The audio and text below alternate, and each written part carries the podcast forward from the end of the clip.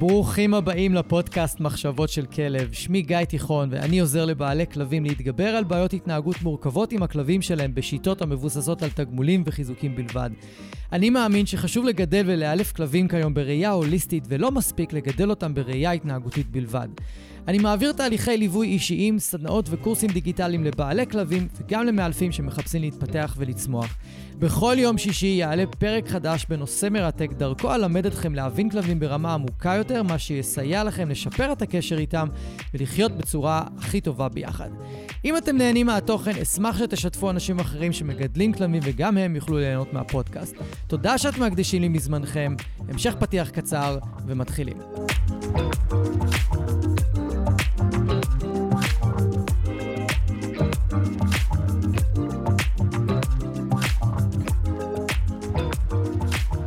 דמיינו רגע שיש לכם בוס בעבודה, שעל כל טעות שאתם עושים, הוא מביע איזושהי צורה של זלזול, חוסר שביעות רצון, אולי אפילו משפיל אתכם ליד עובדים אחרים, או סתם משפיל אתכם, סתם כועס ומתעצבן, וזאת הדרך שלו כל פעם שאתם עושים טעות, להגיב אליכם.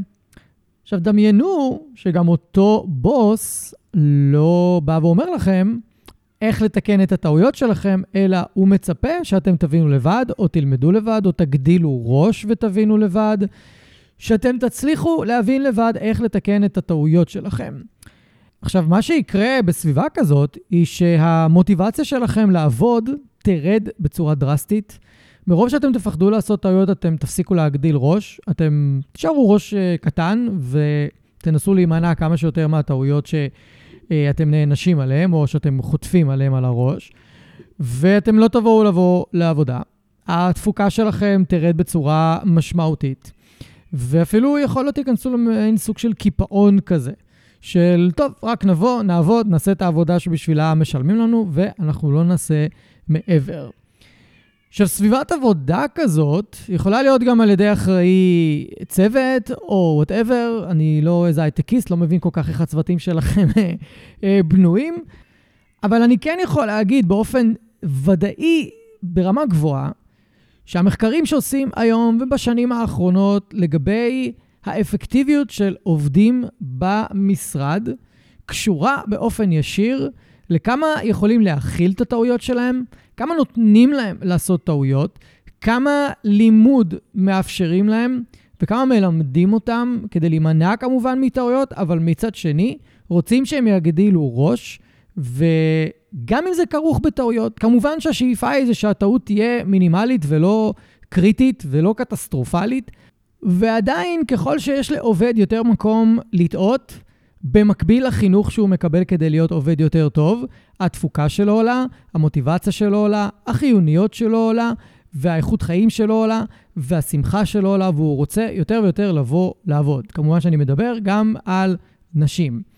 ואיכשהו, בעולם של כלבים, טעויות זה משהו בלתי נסלח. אצל הרבה מאוד מאלפים והרבה מאוד אנשי מקצוע, שהתפקיד שלהם הוא לחנך וללמד אנשים כמוכם איך לאלף, איך לחנך ואיך לנהל את הכלבים שלכם. אחד המשפטים, שניים, שני המשפטים בעצם, הכי הכי הכי משמעותיים ששמעתי בקורס אילוף שאני עברתי לפני 16 שנה, היה, היו, אסור לתת לכלב לטעות, כי אם הוא טועה, הוא עלול ללמוד את הטעות הזאת, ואז אחר כך בעיה לתקן אותה. שתיים, על כל טעות שהכלב עושה, הוא חייב להיענש. הוא חייב להבין שעושה משהו לא בסדר. עכשיו, קחו את הגישה הזאת למה שהסברתי בשתי דקות הראשונות של הפרק, ותגידו לי, האם זה מתיישב? האם זה מתקבל על הדעת?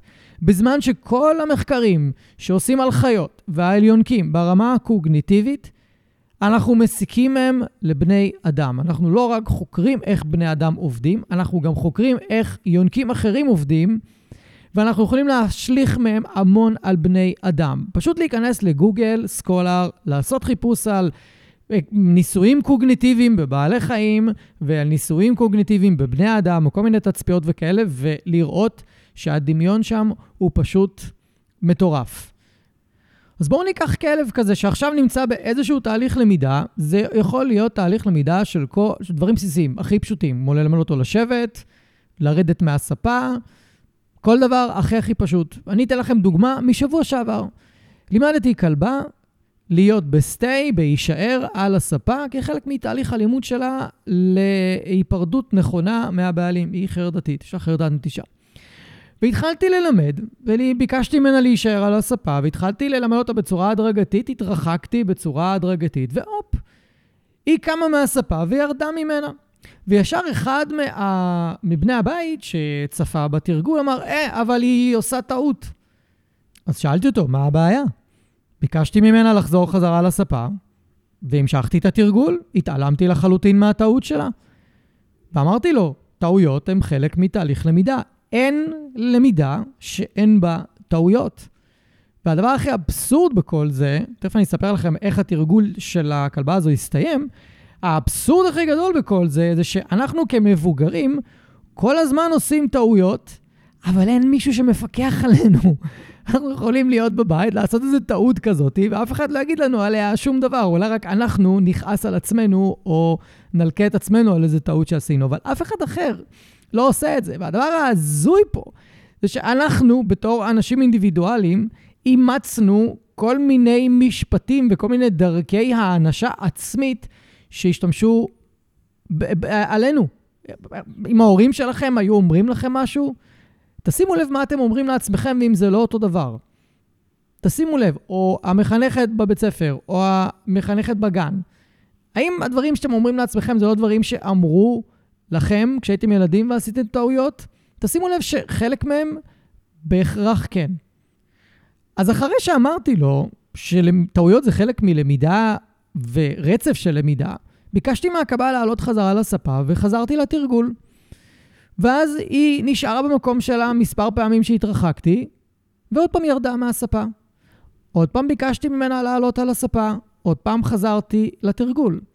אחרי שפעמיים היא ירדה מהספה, והחזרתי אותה חזרה לספה כדי להמשיך את התרגול של ההישארות במקום, היא הפסיקה לרדת מהספה. היא לא ירדה איתי, והיא לא ירדה עם אחד מבני המשפחה שתרגל אחר כך מהספה. מה קרה? איך זה שהיא למדה לא לרדת מהספה למרות שלא הענשתי אותה על הירידה מהספה? מה היא למדה? מה היא הבינה? וזה הכוח של עבודה מבוססת חיזוקים חיוביים. שאם הכלב מורגל ללמוד דרך חיזוקים חיוביים, אני מדבר במיוחד במיוחד כרגע על הדברים הבסיסיים, כי כלב שמתפרץ ברחוב זה לא כלב שעושה טעות בתהליך הלמידה, זה כלב שמגיב למצב מאיים והוא מגיב מתוך fight or flight. זה שונה לחלוטין, זה לא מה שאנחנו מדברים עליו. חשוב לי לעשות את ההפרדה כאן. תהליך למידה הוא תהליך שבו הכלב נמצא במצב רגוע, הוא מודע למה שרוצים ללמד אותו, הוא מבין שהוא כרגע בסשן למידה, הוא סומך על מי שמלמד אותו, והוא פנוי ללמידה, יש לו מוטיבציה, הוא רוצה ללמוד. ככה נראה תהליך למידה. אם הכלב לא נמצא במצב כזה, הלמידה תהיה לא אפקטיבית, ואז הוא יעשה יותר טעויות. ואז הרבה פעמים באים מאלפים ואומרים, הנה הכלב עושה המון טעויות, הוא מורד, מתמרד, עושה דווקא עקשן, צריך לתקן אותו על זה, צריך להעניש אותו על זה, וזה חרטא, זה בולשיט. זה אומר שהכלב כרגע לא נמצא במצב למידה אופטימלי. ואם יש משהו שצריך כל הזמן לבדוק אותו כשאנחנו מאלפים ומאמנים כלב, זה שהוא נמצא במצב למידה אופטימלי. ואם הוא לא, רמת הציפיות שלנו יורדת, התוצאות שאני שואף אליהן יורדות, ואני מתאים את זה לרמה שהכלב נמצא בה. אז איך זה שהכלבה למדה להישאר במקום, גם אם לא הענשתי אותה? כי היא למדה דרך סשנים של אילוף איתי ועם מאלפים שהיו לפניי, שלמידה מתבצעת בחיזוקים חיוביים. זאת אומרת שאם היא ירדה מהספה, היא לא קיבלה חטיף, ביקשו ממנה לחזור חזרה לספה ולחזור להישאר במקום, ועל זה היא כן מקבלת חטיף. אז היא ניסתה פעמיים לרדת, כי זה מה שהיא תוגמלה עליו בעבר, כשניסו אולי ללמד אותה להישאר, או כשניסו לתרגל איתה משהו שקשור להישארות. היא עשתה את מה שהייתה רגילה לעשות בעבר, ואז היא קלטה בתוך סשן מסודר, מבוקר, בנוי בצורה נכונה ומותאמת לכלבה, שהיא לא תקבל שום דבר אם היא תרד מהספה. אז עדיף לה פשוט לא לרדת. וכשאנחנו מלמדים כלבים משמעת בסיסית, כל מיני תרגילים של משמעת מתקדמת. משמעת בסיסית זה לשבת, זה ארצה, זה להישאר במקום, לתת לנו יד, זה דברים פשוטים, דברים שכלבים לומדים בקלות וקל לכם נורא ללמד את זה מהיוטיוב. אתם רואים סרטון, טאק באים עושים עם הכלב, והוא מצליח לעשות זה נורא מהר. זה משמעת בסיסית, זה תרגילים בסיסיים. התנהגויות בסיס, אוקיי? אם אנחנו מתקדמים להתנהגויות מתקדמות, כמו אליי, כמו להוציא מהפה, לא לקחת משהו שהכלב נורא רוצה לקחת, להביא לנו, אלה כבר התנהגויות מתקדמות. אז אם אנחנו לא מבצעים פה איזשהו תהליך למידה מסודר, יש סיכוי גבוה מאוד שהכלב יעשה טעויות. וטעות מבחינתנו זה פשוט שהכלב עושה משהו שאנחנו לא רוצים שהוא יעשה, שזה לא הכוונה שלנו. למשל, אני אומר לכלב לעזוב, משהו שהוא מכניס לפה והוא בולע אותו במקום לעזוב אותו. ושוב אני מדבר על סשן אימון מסודר, אני לא מדבר על משהו שכלב עכשיו מצא ברחוב, והוא נורא מתלהב מזה, מתרגש מזה ומיד רוצה לאכול את זה. או שזה חתיכת אוכל נורא קטנה, שנורא קל לו פשוט להרים ולבלוע את זה מהר. אז צריך לעשות הפרדה בין טעות שהכלב עושה בתוך סשן אימון, לבין התנהגות טבעית של כלב כמו להרים אוכל ברחוב, או להתפרץ על כלב או בן אדם כשהוא מרגיש מאוים, ואנחנו צריכים ללמד אותו התנהגויות אלטרנטיביות, אוקיי? זה לא הטעויות שאני מדבר עליהן. ואני רוצה לחזור למה שדיברתי בהתחלה. אם אנחנו רוצים ללמד כלב התנהגויות מסוימות, אנחנו כמובן חייבים לבנות לו סשן אימון שיהיו בו מינימום טעויות כדי שהלמידה שלו תהיה עם מינימום של תסכול. ועם מינימום של ניחושים איך הוא אמור להתנהג. כי מתוך ניחושים יכולה להיות אה, מה שנקרא למידה של חוסר אונים נרכש, עוד מעט נדבר עליו. מה זה חוסר אונים נרכש? אנחנו רוצים להימנע מזה, אנחנו רוצים להימנע מהכלב שינחש יותר מדי מה אנחנו רוצים שהוא יעשה, כי הוא הרבה פעמים ינחש לא נכון. אנחנו רוצים שהסשן יהיה מסודר. והנה נקודה שהרבה אנשים פשוט לא חושבים עליה, ולא לוקחים אותה בחשבון שהם מאמנים כלב. אם עכשיו אני מבקש מכם ללמד ילד לנגן על פסנתר. נגיד יש לכם קצת ידע בנגינה על פסנתר. אוקיי, לי יש, אני בקטנה, אני יכול ללמד ילד עכשיו לנגן, יונתן הקטן. אוקיי, אני יכול. ואני יכול להגיד לו, זה דו, רה, מי, פה, סול, סי ודו. אני יכול ללמד אותו את הדברים האלה, אוקיי? במיוחד אם זה על אורגן. האם אני מוכשר ללמד את הילד הזה, או אני אוכל ללמד אותו לנגן, ושהוא לא יעשה טעויות בנגינה שלו? ממש לא. אני לא מספיק מוכשר, אני לא מספיק מיומן, אני לא מספיק מקצועי, אין לי מספיק ניסיון. אז אם אני אפילו אלמד את הילד הזה יונתן הקטן, ואני אצפה ממנו ללמוד בלי טעויות, הציפייה שלי היא מופרכת. למה? כי פשוט אין לי מיומנות מספיק גבוהה לעשות את זה. אין לי את הניסיון. כנ"ל לגבי מי שרוצה לאמן את הכלב שלו. כדי שהכלב ילמד עם מינימום טעויות או בלי טעויות לפעמים, רמת הניסיון, הידע, המקצועיות והיכולת לבנות תרגול מסודר עבור הכלב צריכה להיות מאוד גבוהה. רוב בני האדם, מה לעשות, אילוף כלבים, זה לא הדבר שהם עוסקים בו ביום-יום, וזה לא הדבר שהם רוצים לעסוק בו ביום-יום. אז מצד אחד יש לנו ציפיות מופרכות מהכלב, שידע להתנהג בצורה ממש טובה, ולא יעשה טעויות שאנחנו מלמדים אותו, אבל מצד שני יש אותנו, שאנחנו לא בהכרח מיומנים מספיק ויודעים איך לאמן כלב מהשלב הראשון שהוא לא יודע שום דבר, לשלב האחרון שהוא יודע בדיוק מה אנחנו רוצים. ויש כאן לפחות, במינימום, כן? במינימום חמישה שלבים, וזה עם כלבים מאוד זורמים. כלבים שקל לאלף אותם, כלבים שקל לאמן אותם, יש לכם במינימום חמישה שלבים. אם יש לכם כלבים מורכבים, שמתקשים ללמוד, ולא אוהבים הרבה פעמים להיכנס לסשן אילוף, או פורשים מסשן אילוף נורא מהר, או פשוט לא, אין להם מוטיבציה גבוהה לחטיפים ולחיזוקים, יש לכם פה הרבה יותר מחמישה שלבים. עוד לפני השלב שאתם בכלל מאמנים את הכלב להתנהגות ספציפית, יש מה שנקרא שלב מקדים לאילוף. וזה ההכנה לאילוף. וזה רק להעלות לכלב מוטיבציה, להעלות לו אמון ולהביא אותו למצב שהוא בכלל רוצה להתאמן באופן כללי, ולאו דווקא על התנהגות ספציפית. וזה מה שהרבה אנשים לא עושים, כי הם לא יודעים, לא מכירים. יהיה פרק שלם על איך לבנות לכלב יותר מוטיבציה לאימון, ועל מה אנחנו צריכים להסתכל, אה, אבל כרגע חשוב לי נורא שתבינו את הנקודה, שמצד אחד יש כלב שבוודאות יעשה טעויות, ואנחנו באים עם ציפייה שהוא לא יעשה טעויות, שאסור לו לעשות טעויות. מצד שני, יש אותנו, שאנחנו נעשה טעויות תוך כדי אלימות של הכלב, כי מה לעשות, אנחנו לא מספיק מקצועיים, ויש לנו את הכלב עצמו, שנורא משתנה מכלב לכלב הרמת מוטיבציה וכמה הוא באמת רוצה להתאמן. עכשיו, מאיפה זה בא הדבר הזה של אסור לעשות טעויות? למה גם אנחנו כבני האדם נורא מפחדים לעשות טעויות? על מה זה יושב? אני לא יודע מה איתכם, אבל אני בתור ילד הייתי שומע את המשפט, על טעויות משלמים ביוקר, או על טעויות משלמים. משפט שהוא מנטרה שהייתי שומע אותו בתור ילד. ואם לקחת משפט נוסף, זה היה מההורים שלי, אני לא רוצה שתעשה את הטעויות שאני עשיתי, או שאנחנו עשינו. עכשיו, אם אנחנו באים לעולם וחיים אותו מתוך מקום שעל טעויות משלמים ביוקר, או על טעויות משלמים באופן כללי, אנחנו ניקח את זה לכל מקום בחיים. בוס יכול לקחת את זה במערכת יחסים שלו איתכם. אתם יכולים לקחת את זה למערכת יחסים שלכם, אולי אפילו עם איזה אה, צד שלישי שאתם עובדים איתו בתוך החברה שלכם, או לילדים שלכם, או לבן זוג או בת זוג שלכם, או לכלבים שלכם. אתם תביאו את זה איתכם לכל מקום. ואנחנו חייבים להתנתק מהאמונה הפנימית הזאת, האמונה המקבילה הזאת, שעל טעויות משלמים. כי מלא מחקרים שיוצאים בשנים האחרונות מראים לנו שהאנשים שהכי מצליחים בעולם זה אלה שעשו הכי הרבה טעויות.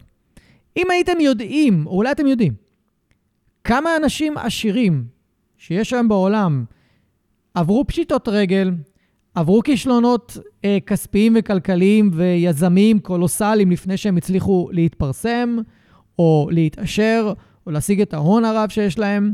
אנחנו מדברים על המון אנשים. לא מדבר על אלה שירשו את ההון שלהם. אלה שהיו צריכים לבנות אותו במו ידיהם. הרבה מהם נכשלו המון פעמים, עשו המון טעויות, עשו טעויות קולוסליות לפעמים, ועדיין הצליחו להתרומם, ועדיין הצליחו להצליח. האנשים שמפחדים לעשות טעויות, זה אלה שנשארים תקועים במקום. זה אלה שלא מצליחים להתקדם. תפתחו שוב, גוגל סקולר, או כל מנטור היום שמדבר באינסטגרם וטיק טוק, וקחו את אלה המפורסמים, אוקיי? קחו את אלה שיש להם, אה, מה שנקרא, קרדנשלס, אה, שיש להם קרדיביליות, כמו בו פרוקטור, כמו טוני רובינס, כמו מל רובינס, אה, ברנדון ברושארד. תסתכלו על אנשים כאלה, שהם כבר עשרות שנים משקיעים בחקר מה עוזר ומה תורם להצלחה של בני אדם. והמסקנה הברורה מתוך כל המחקרים והניסיון שלהם זה שצריך לעשות טעויות. ולא רק זה, נורא חשוב איך אנחנו מתייחסים לטעויות האלה. אם עשיתי טעות ואני מלכה את עצמי ורודה בעצמי בפנים, בראש שלי, אומר לעצמי, איזה מפגר אתה, אתה מטומטם, אתה לא שווה כלום, אתה לא יוצלח, איך אתה עושה את האלה טעויות? למה שאני ארצה ללכת ולנסות לעשות את זה עוד פעם? אם הכלב שלי עכשיו קם, אמרתי לו שב והוא קם, ואני הולך וצועק עליו, לא, שב, שב, לא. מכירים את זה? אתם מכירים את האנשים האלה ברחוב, שאם הכלב לא בא אליהם, הם מתחילים לצעוק עליו, בוא הנה, בוא הנה לפה, אני אמרתי. אתם מכירים את האנשים האלה. והכי גרוע זה שאני רואה, ויצא לי לראות המון פעמים, מאלפים שמשתמשים בענישה, מתקנים את הכלב שלהם ומענישים אותו כמעט כל 2-3 דקות בתוך האימון, אם לא יותר. יוצא שהכלב נכנס לסשן אימון ומקבל כל כך הרבה תיקונים וענישה, שהוא פשוט או נחבא, או אומר לעצמו, אני אעביר את האימון הזה ואני אעשה כל מה שרוצים ממני, עם אפס מוטיבציה, עם אפס הנאה, בטח אם אין לו שם חיזוקים משמעותיים, והרבה פעמים הכלב חוזר על אותה טעות, הוא לא יודע על מה מענישים אותו. אין לו מושג. אם בן אדם, ילד, כלב, חוזר על אותה טעות, הוא לא יודע על מה מענישים אותו. גם אם אמרתם והדגמתם והוכחתם המון פעמים, ואגב, היום אנחנו יודעים אפילו להגיד על ילדים עם ADHD, ואפילו מבוגרים, שאתם יכולים לחזור על משהו שהם עשו לא בסדר, או איזושהי טעות שהם עשו, ולהסביר להם כמה וכמה פעמים, וזה עדיין יכול שלא להיקלט, כי המוח מכוות אחרת משל בן אדם שאין לו ADHD. אז אם אני אחזיר את זה חזרה לעולם של כלבים, אנחנו מדברים שם המון על כלבים שסובלים מסטרס נפשי גבוה. אם יש להם סטרס נפשי גבוה, יכולות הלמידה שלהם נפגעות משמעותית. זאת אומרת שהיכולת שלהם ללמוד התנהגות חדשה, להפנים אותה, להטמיע אותה ולזכור אותה, יורדות משמעותית. ואם אנחנו באים עם ציפייה מכלב כזה, שהוא יתנה כמו כלב רגיל שאין לו דאגות והוא לא חי בסטרס, אנחנו אלה שחיים בסרט. אנחנו אלה שצריכים לעשות את ההתאמות עבור הכלב ולא הפוך. אז דמיינו כלב כזה שלא מצליח לתפקד ועושה המון טעויות, ועוד בנוסף על זה נענש או ננזף או שצועקים עליו או שמאיימים עליו. איזה קשר בסופו של דבר יהיה לו עם האנשים שמטפלים בו, או איזה יחס יהיה לו ללהיות מאולף, ללהיות מאומן. אני יצא, יצא לי לעבוד עם כלבה לפני שנה וחצי, שנתיים, שרצינו לתרגל איתה למקום, שתלך לשמיכה שלה, זה הכל. היא לא רצתה. היא לא הסכימה להשתתף בתרגול. למרות שזרקנו לה שם עוף וחטיפים מאוד שווים, ועשינו לה את התרגול מאוד נעים, ובקצב שלה, עם קריטריונים מאוד נמוכים, לא הסכימה. ומה הייתה הסיבה? אילוף קודם, השתמשו איתה בחנק בגיל מאוד מוקדם, גיל כבר ארבעה חודשים, חמישה חודשים, וככה לימדו אותה להגיע למקום שלה. היא עשתה קישור לא נעים ללהגיע לשמיכה, אז ברגע שאנחנו באנו ותרגלנו איתה את אותו תרגול שהיא תורגלה עם חנק לפני ועם ענישה, היא לא רצתה להשתתף, כי גם נתנו לה בחירה. מה שלא היה לה מקודם, מקודם לא הייתה לה בחירה, הייתה חייבת לעשות את זה. אז מערכת היחסים שהיא בנתה ויצרה לעצמה, עם תרגול פשוט כמו למקום, היה, לא, זה מסוכן לי, אני לא רוצה, לא סומכת עליכם שאתם לא תיתנו לי עוד פעם תיקונים, למרות שהחנק לא עליי וה setup הוא אחר לגמרי, אני עדיין לא סומכת עליכם. היינו צריכים לרדת בקריטריונים כל כך נמוך בתרגול, כדי לשקם את האמון שלה בתרגיל עצמו, ולהעלות מה שנקרא את חדוות האימון שלה. חדוות אימון זה נושא בפני עצמו, אני אעשה לכם על זה פרק אחר. אבל תראו לאן זה שהענישו אותה על טעויות, לקח אותה למקום שהיא אמרה, אני לא רוצה להתאמן איתכם, אני לא רוצה להתאמן איתכם על המקום, אני מעדיפה פשוט לפרוש, למרות שיש לי פה חיזוקים מאוד מאוד שווים. אני מדבר איתכם על עוף ובשר מיובש וכאלה, אני מדבר איתכם על דברים פושטים. פלוס כולנו יושבים מסביב ולא ממש לוחצים עליה, ולא ממש מכריחים אותה, אלא רק מנסים לעודד אותה ולעשות את זה בצורה הכי נעימה שיכולה להיות. אבל העובדה שהיא נענשה על טעויות, בשלב כל כך מוקדם של הלמידה, השפיעה עליה עמוקות. לקח לנו בערך חודשיים-שלושה לשקם את הרצון שלה לעבוד ולתרגל למקום בצורה מלאה, בלי קונפליקטים. חודשיים-שלושה.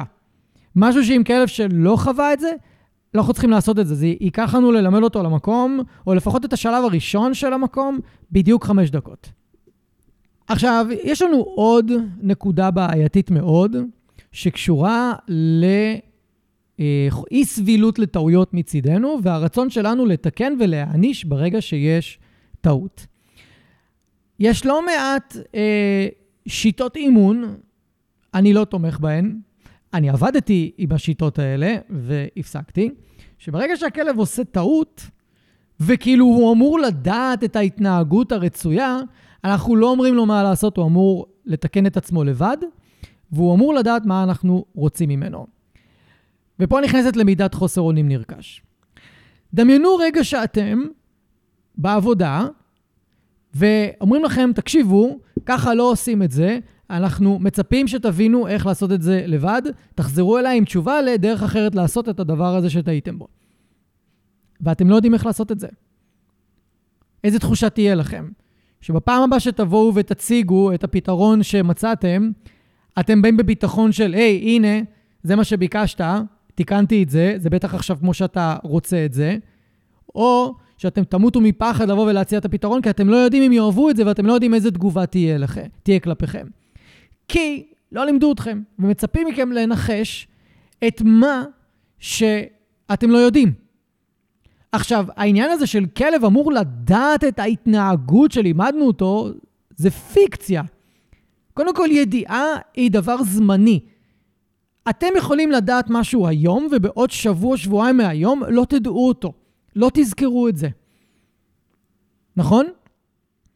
אז ידיעה זה משהו פיקטיבי, זה לא 100%, זה לא מוחלט, הוא משתנה מיום ליום, וגם הידיעה משתנה. ואפשר לראות את זה המון אצל סטודנטים באוניברסיטה, מי ש... מכמה וגם בבית ספר, לא רק באוניברסיטה.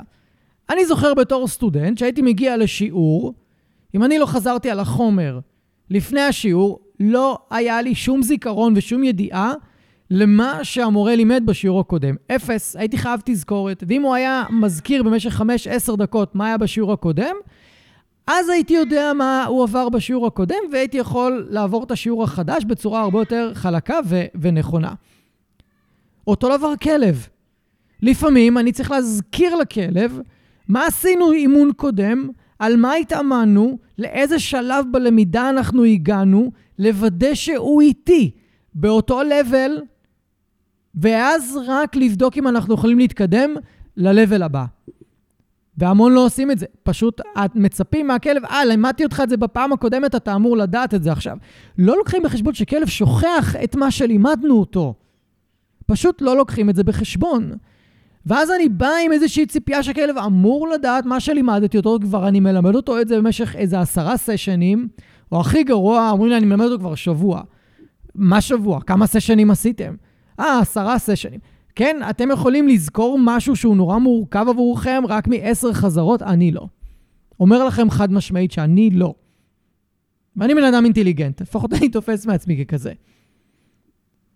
ואנחנו לא יכולים להמשיך ולצפות מהכלבים שלנו להציג איזה שהם יכולות על שכאלה, ולהתחיל לרדת לקרקע, להוריד את הציפיות ולהתחיל לראות את המקום שהם באמת נמצאים בו בתהליך הלמידה. כדי שהכלב באמת ידע את מה שאני רוצה שהוא ידע, הוא חייב לעבור מספר חזרות מסוים, וזה מאוד תלוי בכל כלב, זה משתנה מכלב לכלב, פלוס אני אמור לראות עקביות בביצועים שלו, פלוס אני אמור לראות מוטיבציה גבוהה לעשות את מה שהוא רוצה, גם אם אני מוריד את כמות החטיפים וגם אם אני מוריד את ערך החטיפים. אני חייב לראות שבאמת התקיימה למידה. אבל אם הכלב כל הזמן צריך עזרה במה, נגיד אמרתי לו שב, והוא לא מתיישב, והוא כל פעם הוא צריך עזרה. אני צריך להראות לו את החטיף, אני צריך לעשות לו עם היד, אני צריך ל- לרחון מעליו קצת עם הגוף, כאילו כל פעם אני צריך לעזור לו כדי שהוא יגיע למצב ישיבה. זה לא מספיק שאני אגיד לו שב והוא מתיישב. זה מה שהכלב לא יודע. רוב הכלבים הם כאלה. תסתכלו כמה סימני עזר צריך לתת לכלבים שמסביבכם, פלוס לכלב שלכם, כדי שהוא יבין מה אתם רוצים. וכדי שהוא יבין מה הוא אמור לעשות אחרי שאתם ביקשתם. זאת אומרת שהוא לא באמת יודע. או שמה שאתם חושבים שלימדתם, שזה המילה שב, לא, הוא יותר הגיב להתכופפות שלכם למטה, להרמת יד, לזה שיש לכם חטיף ביד ואתם מרימים את היד. לזה הוא באמת הקשיב. לא למילה שאתם משתמשים בה. ואז אתם בכלל לא מסונכרנים, אתם בכלל אמרתם לעצמכם, אני מלמד את הכלב שלי להגיב למילה שב, והכלב שלכם למד להגיב לאיזושהי תנועת גוף, לא למילה עצמה. ואז יש לכם קצר בתקשורת. אז מה שחשוב לקחת מכאן, שכאשר הכלב שלי עושה טעות, הדבר הראשון שאני צריך לשאול את עצמי, האם אני גרמתי לו לעשות את הטעות הזאת? האם אני טעיתי באיך שלימדתי אותו, ובגלל זה הוא עושה את הטעויות שהוא עושה. ולצערי, מעט מאוד מאלפים ואנשי מקצוע שואלים את עצמם את השאלה הזאת ומיד מפילים את זה על הכלב בטענות שהוא עקשן, בטענות שהוא מרדן וכל מיני אה, תיאורים אחרים שלא לא תואמים בכלל. והזכרתי מקודם את כל הנושא של חוסר אונים נרכש. ואיך זה קורה? אז חוסר אונים נרכש הוא מצב פסיכולוגי בו הלומד חווה את עצמו כחסר אונים וחסר יכולת להתמודד לאור ריבוי חוויות, בהן הוא מרגיש כי אין לו יכולת להשפיע על אירועים שליליים בהם הוא מעורב. מה זה אומר? זה שאם עכשיו הכלב שלי עשה טעות ואני הענשתי אותו, ואחר כך ציפיתי ממנו להבין לבד, כי הוא אמור לדעת, מה אני רוצה שהוא יעשה. והוא טועה שוב פעם. ואני מעניש אותו שוב פעם. והוא טועה שוב פעם, אני מעניש אותו עוד פעם. זאת אומרת שלכלב אין שליטה על התוצאה שתקרה לו, כי הוא לא יודע מה הוא אמור לעשות כדי להימנע מהענישה. ואז כלב כזה פשוט אומר לעצמו, אוקיי, אני לא משתתף בלמידה, אני לא משתתף באימון, מפסיק לנסות, ואנחנו רק נהיים עוד יותר מתוסכלים, כי אנחנו לא מבינים למה אתה לא עושה, למה אנחנו לא מצליחים לאמן אותך, למה אתה נתקע בישיבה ולא יורד לארצה, או אה, עושה דברים אחרים שאנחנו מבקשים ממך. כי הוא אומר לעצמו, אני טועה כל כך הרבה פעמים, ואני נענש כל כך הרבה פעמים על הטעויות האלה, שאני מעדיף לא לעשות כלום כדי לא לקבל את העונש. זה כמו בן אדם שיגיד לעצמו, וואי, ניסיתי לעשות את זה וזה לא עבד לי, וניסיתי לעשות את זה וזה לא עבד לי, ואת זה וזה לא עבד לי, וזה לא עבד לי, וזה לא עבד לי, הוא פשוט מפסיק לנסות. והוא נהיה אפאתי ואדיש, ויכול אפילו להתכנס לתוך עצמו. הוא מרגיש כזה חסר אונים, כי הוא אומר, אין לי יכולת לשלוט על התוצאות שאני רוצה להגיע אליהן. אני לא מצליח, אני עושה ועושה ועושה ומנסה ומנסה ומנסה, וזה לא עובד לי. זה לא מצליח. מבחינת הכלב, ההצלחה היא להימנע מהענישה. עבור הבן אדם יכול להיות משהו שהוא רוצה להשיג, זה אותו דבר. זו תוצאה, וזו תוצאה. ולמה אני מספר לכם את כל זה, למי שהקשיב עד עכשיו? לדעתי היה פרק ממש מעניין. לי היה ממש כיף להקליט את הפרק הזה. עבורי, להבין את מה שאני אמרתי עכשיו בחצי שעה, מה שלקח לי להבין כמה חודשים טובים, היווה נקודת מפנה מטורפת כשעשיתי את המעבר מאילוף מסורתי לאילוף שהוא פורס פרי. כי באילוף מסורתי יש חשיבות עצומה לתקן את הכלב על טעויות. טעויות הן לא עוברות בסליחה, הן לא נסלחות. יש כאלה שכן, אבל הרבה מהן לא. ועבורי להסתכל מהצד, אז בזמנו, ולראות כלבים עושים טעויות ועדיין לומדים ועדיין לא חוזרים על הטעות שהם עשו בזכות תהליך למידה מסודר, מובנה ומקצועי, היה mind blowing. אמרתי, זה לא יכול להיות. זה הפוך לחלוטין ממה שלימדו אותי. ויותר מזה, כשאנחנו אומרים לעצמנו, אני לא אתקן את הכלב על טעויות, הדבר הראשון שעולה לנו בראש זה עיבוד שליטה. הרבה אנשים שאני מבקש מהם לשחרר את השליטה על הכלב ולשחרר את הצורך לתקן אותו על כל דבר קטן שהוא טועה בו, עולה בהם מיד פחד של עיבוד שליטה, ואנחנו צריכים לדבר על הדבר הזה. וכדי לדבר על זה, ואני אסיים פה, אני אקח אתכם אחורה. בתחילת הפרק שאלתי אתכם, איך זה יהיה, או איך זה עבורכם, לעבוד עבור בוס שהוא מעניש, מזלזל, משפיל, על כל טעות שאתם עושים, או אפילו לא כל טעות. זה יכול להיות על כל טעות שלישית, רביעית או חמישית שאתם עושים, אבל התגובה היא כל כך לא נעימה, שלא בא לכם לעשות טעויות יותר. האם עצם זה שהוא יפסיק להעניש אתכם על הטעויות, לעשות את הדברים שדיברתי מקודם, יגרום לו לאבד שליטה עליכם או על מה שאתם עושים? ממש לא. הפוך מזה. יכול להיות שייפתח ערוץ תקשורת הרבה יותר בריא והרבה יותר טוב, שדרכו הוא ידע להפיק מכם את המקסימום בתוצאות הרבה יותר טובות. וזה מה שאנחנו רואים על אילוף כלבים. ואני אסיים בזה. הכלבים היום שעובדים הכי טוב ככלבי נחייה, כלבי שירות, רוב האילוף שלהם ורוב האימון שלהם, אם לא כולו, תלוי במרכז שאליו אתם הולכים, הוא פורס פרי. אפילו בית עובד פה בארץ ברובו הוא פורס פרי. מרכז שירות, המרכז לכלבי שירות הכי גדול בארצות הברית הוא פורס פרי מלא כבר מלפני 15-16 שנה, אם לא יותר אפילו.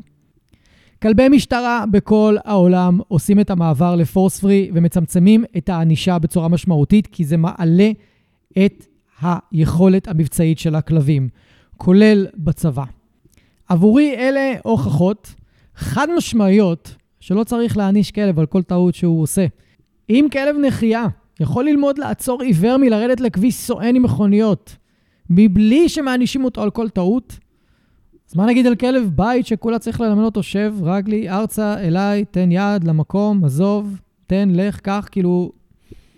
לא נכנס פה לבעיות התנהגות, אלא להתנהגות בסיס, אבל זה בדיוק זה. אז אני אשאיר אתכם עם חומר למחשבה ובחינה עצמית, איך אתם עם הכלבים שלכם? איפה אתם נוזפים בהם, מענישים אותם? איפה אתם לא? אולי אתם בכלל לא? אולי יש מקום להכניס, אני לא אומר נזיפות, או ענישה, או איזה שהם אמצעים שמבהירים לכלב מתי הוא עושה משהו שאתם פחות אוהבים, מבלי שזה פוגע בו. יש לזה גם מקום. אז עם הדבר הזה, נשלח אתכם לחשוב קצת, ואנחנו נתראה בפרקים הבאים. יאללה ביי. אני רוצה להגיד לכם שוב, תודה רבה שהאזנתם. אם אהבתם ואם נהניתם, אז שתפו חברים, שתפו מכרים, בעלי כלבים, תעזרו לי להפיץ את הפודקאסט הזה, אני מאוד מאוד אשמח. ותעשו follow, כדי שהאפליקציה האהובה שלכם תודיע לכם, יום שישי היום, יש עוד פרק בפודקאסט מחשבות של כלב, ואני אפתיע אתכם עם נושא חדש ופרק חדש. אז אני מקווה שנהניתם היום, היה לי מאוד כיף לארח אתכם. אנחנו נתראה עוד שבוע, תהיו טובים לכלבים שלכם, תהיו טובים לעצמכם, ושיהיה לכם אחלה של סוף שבוע.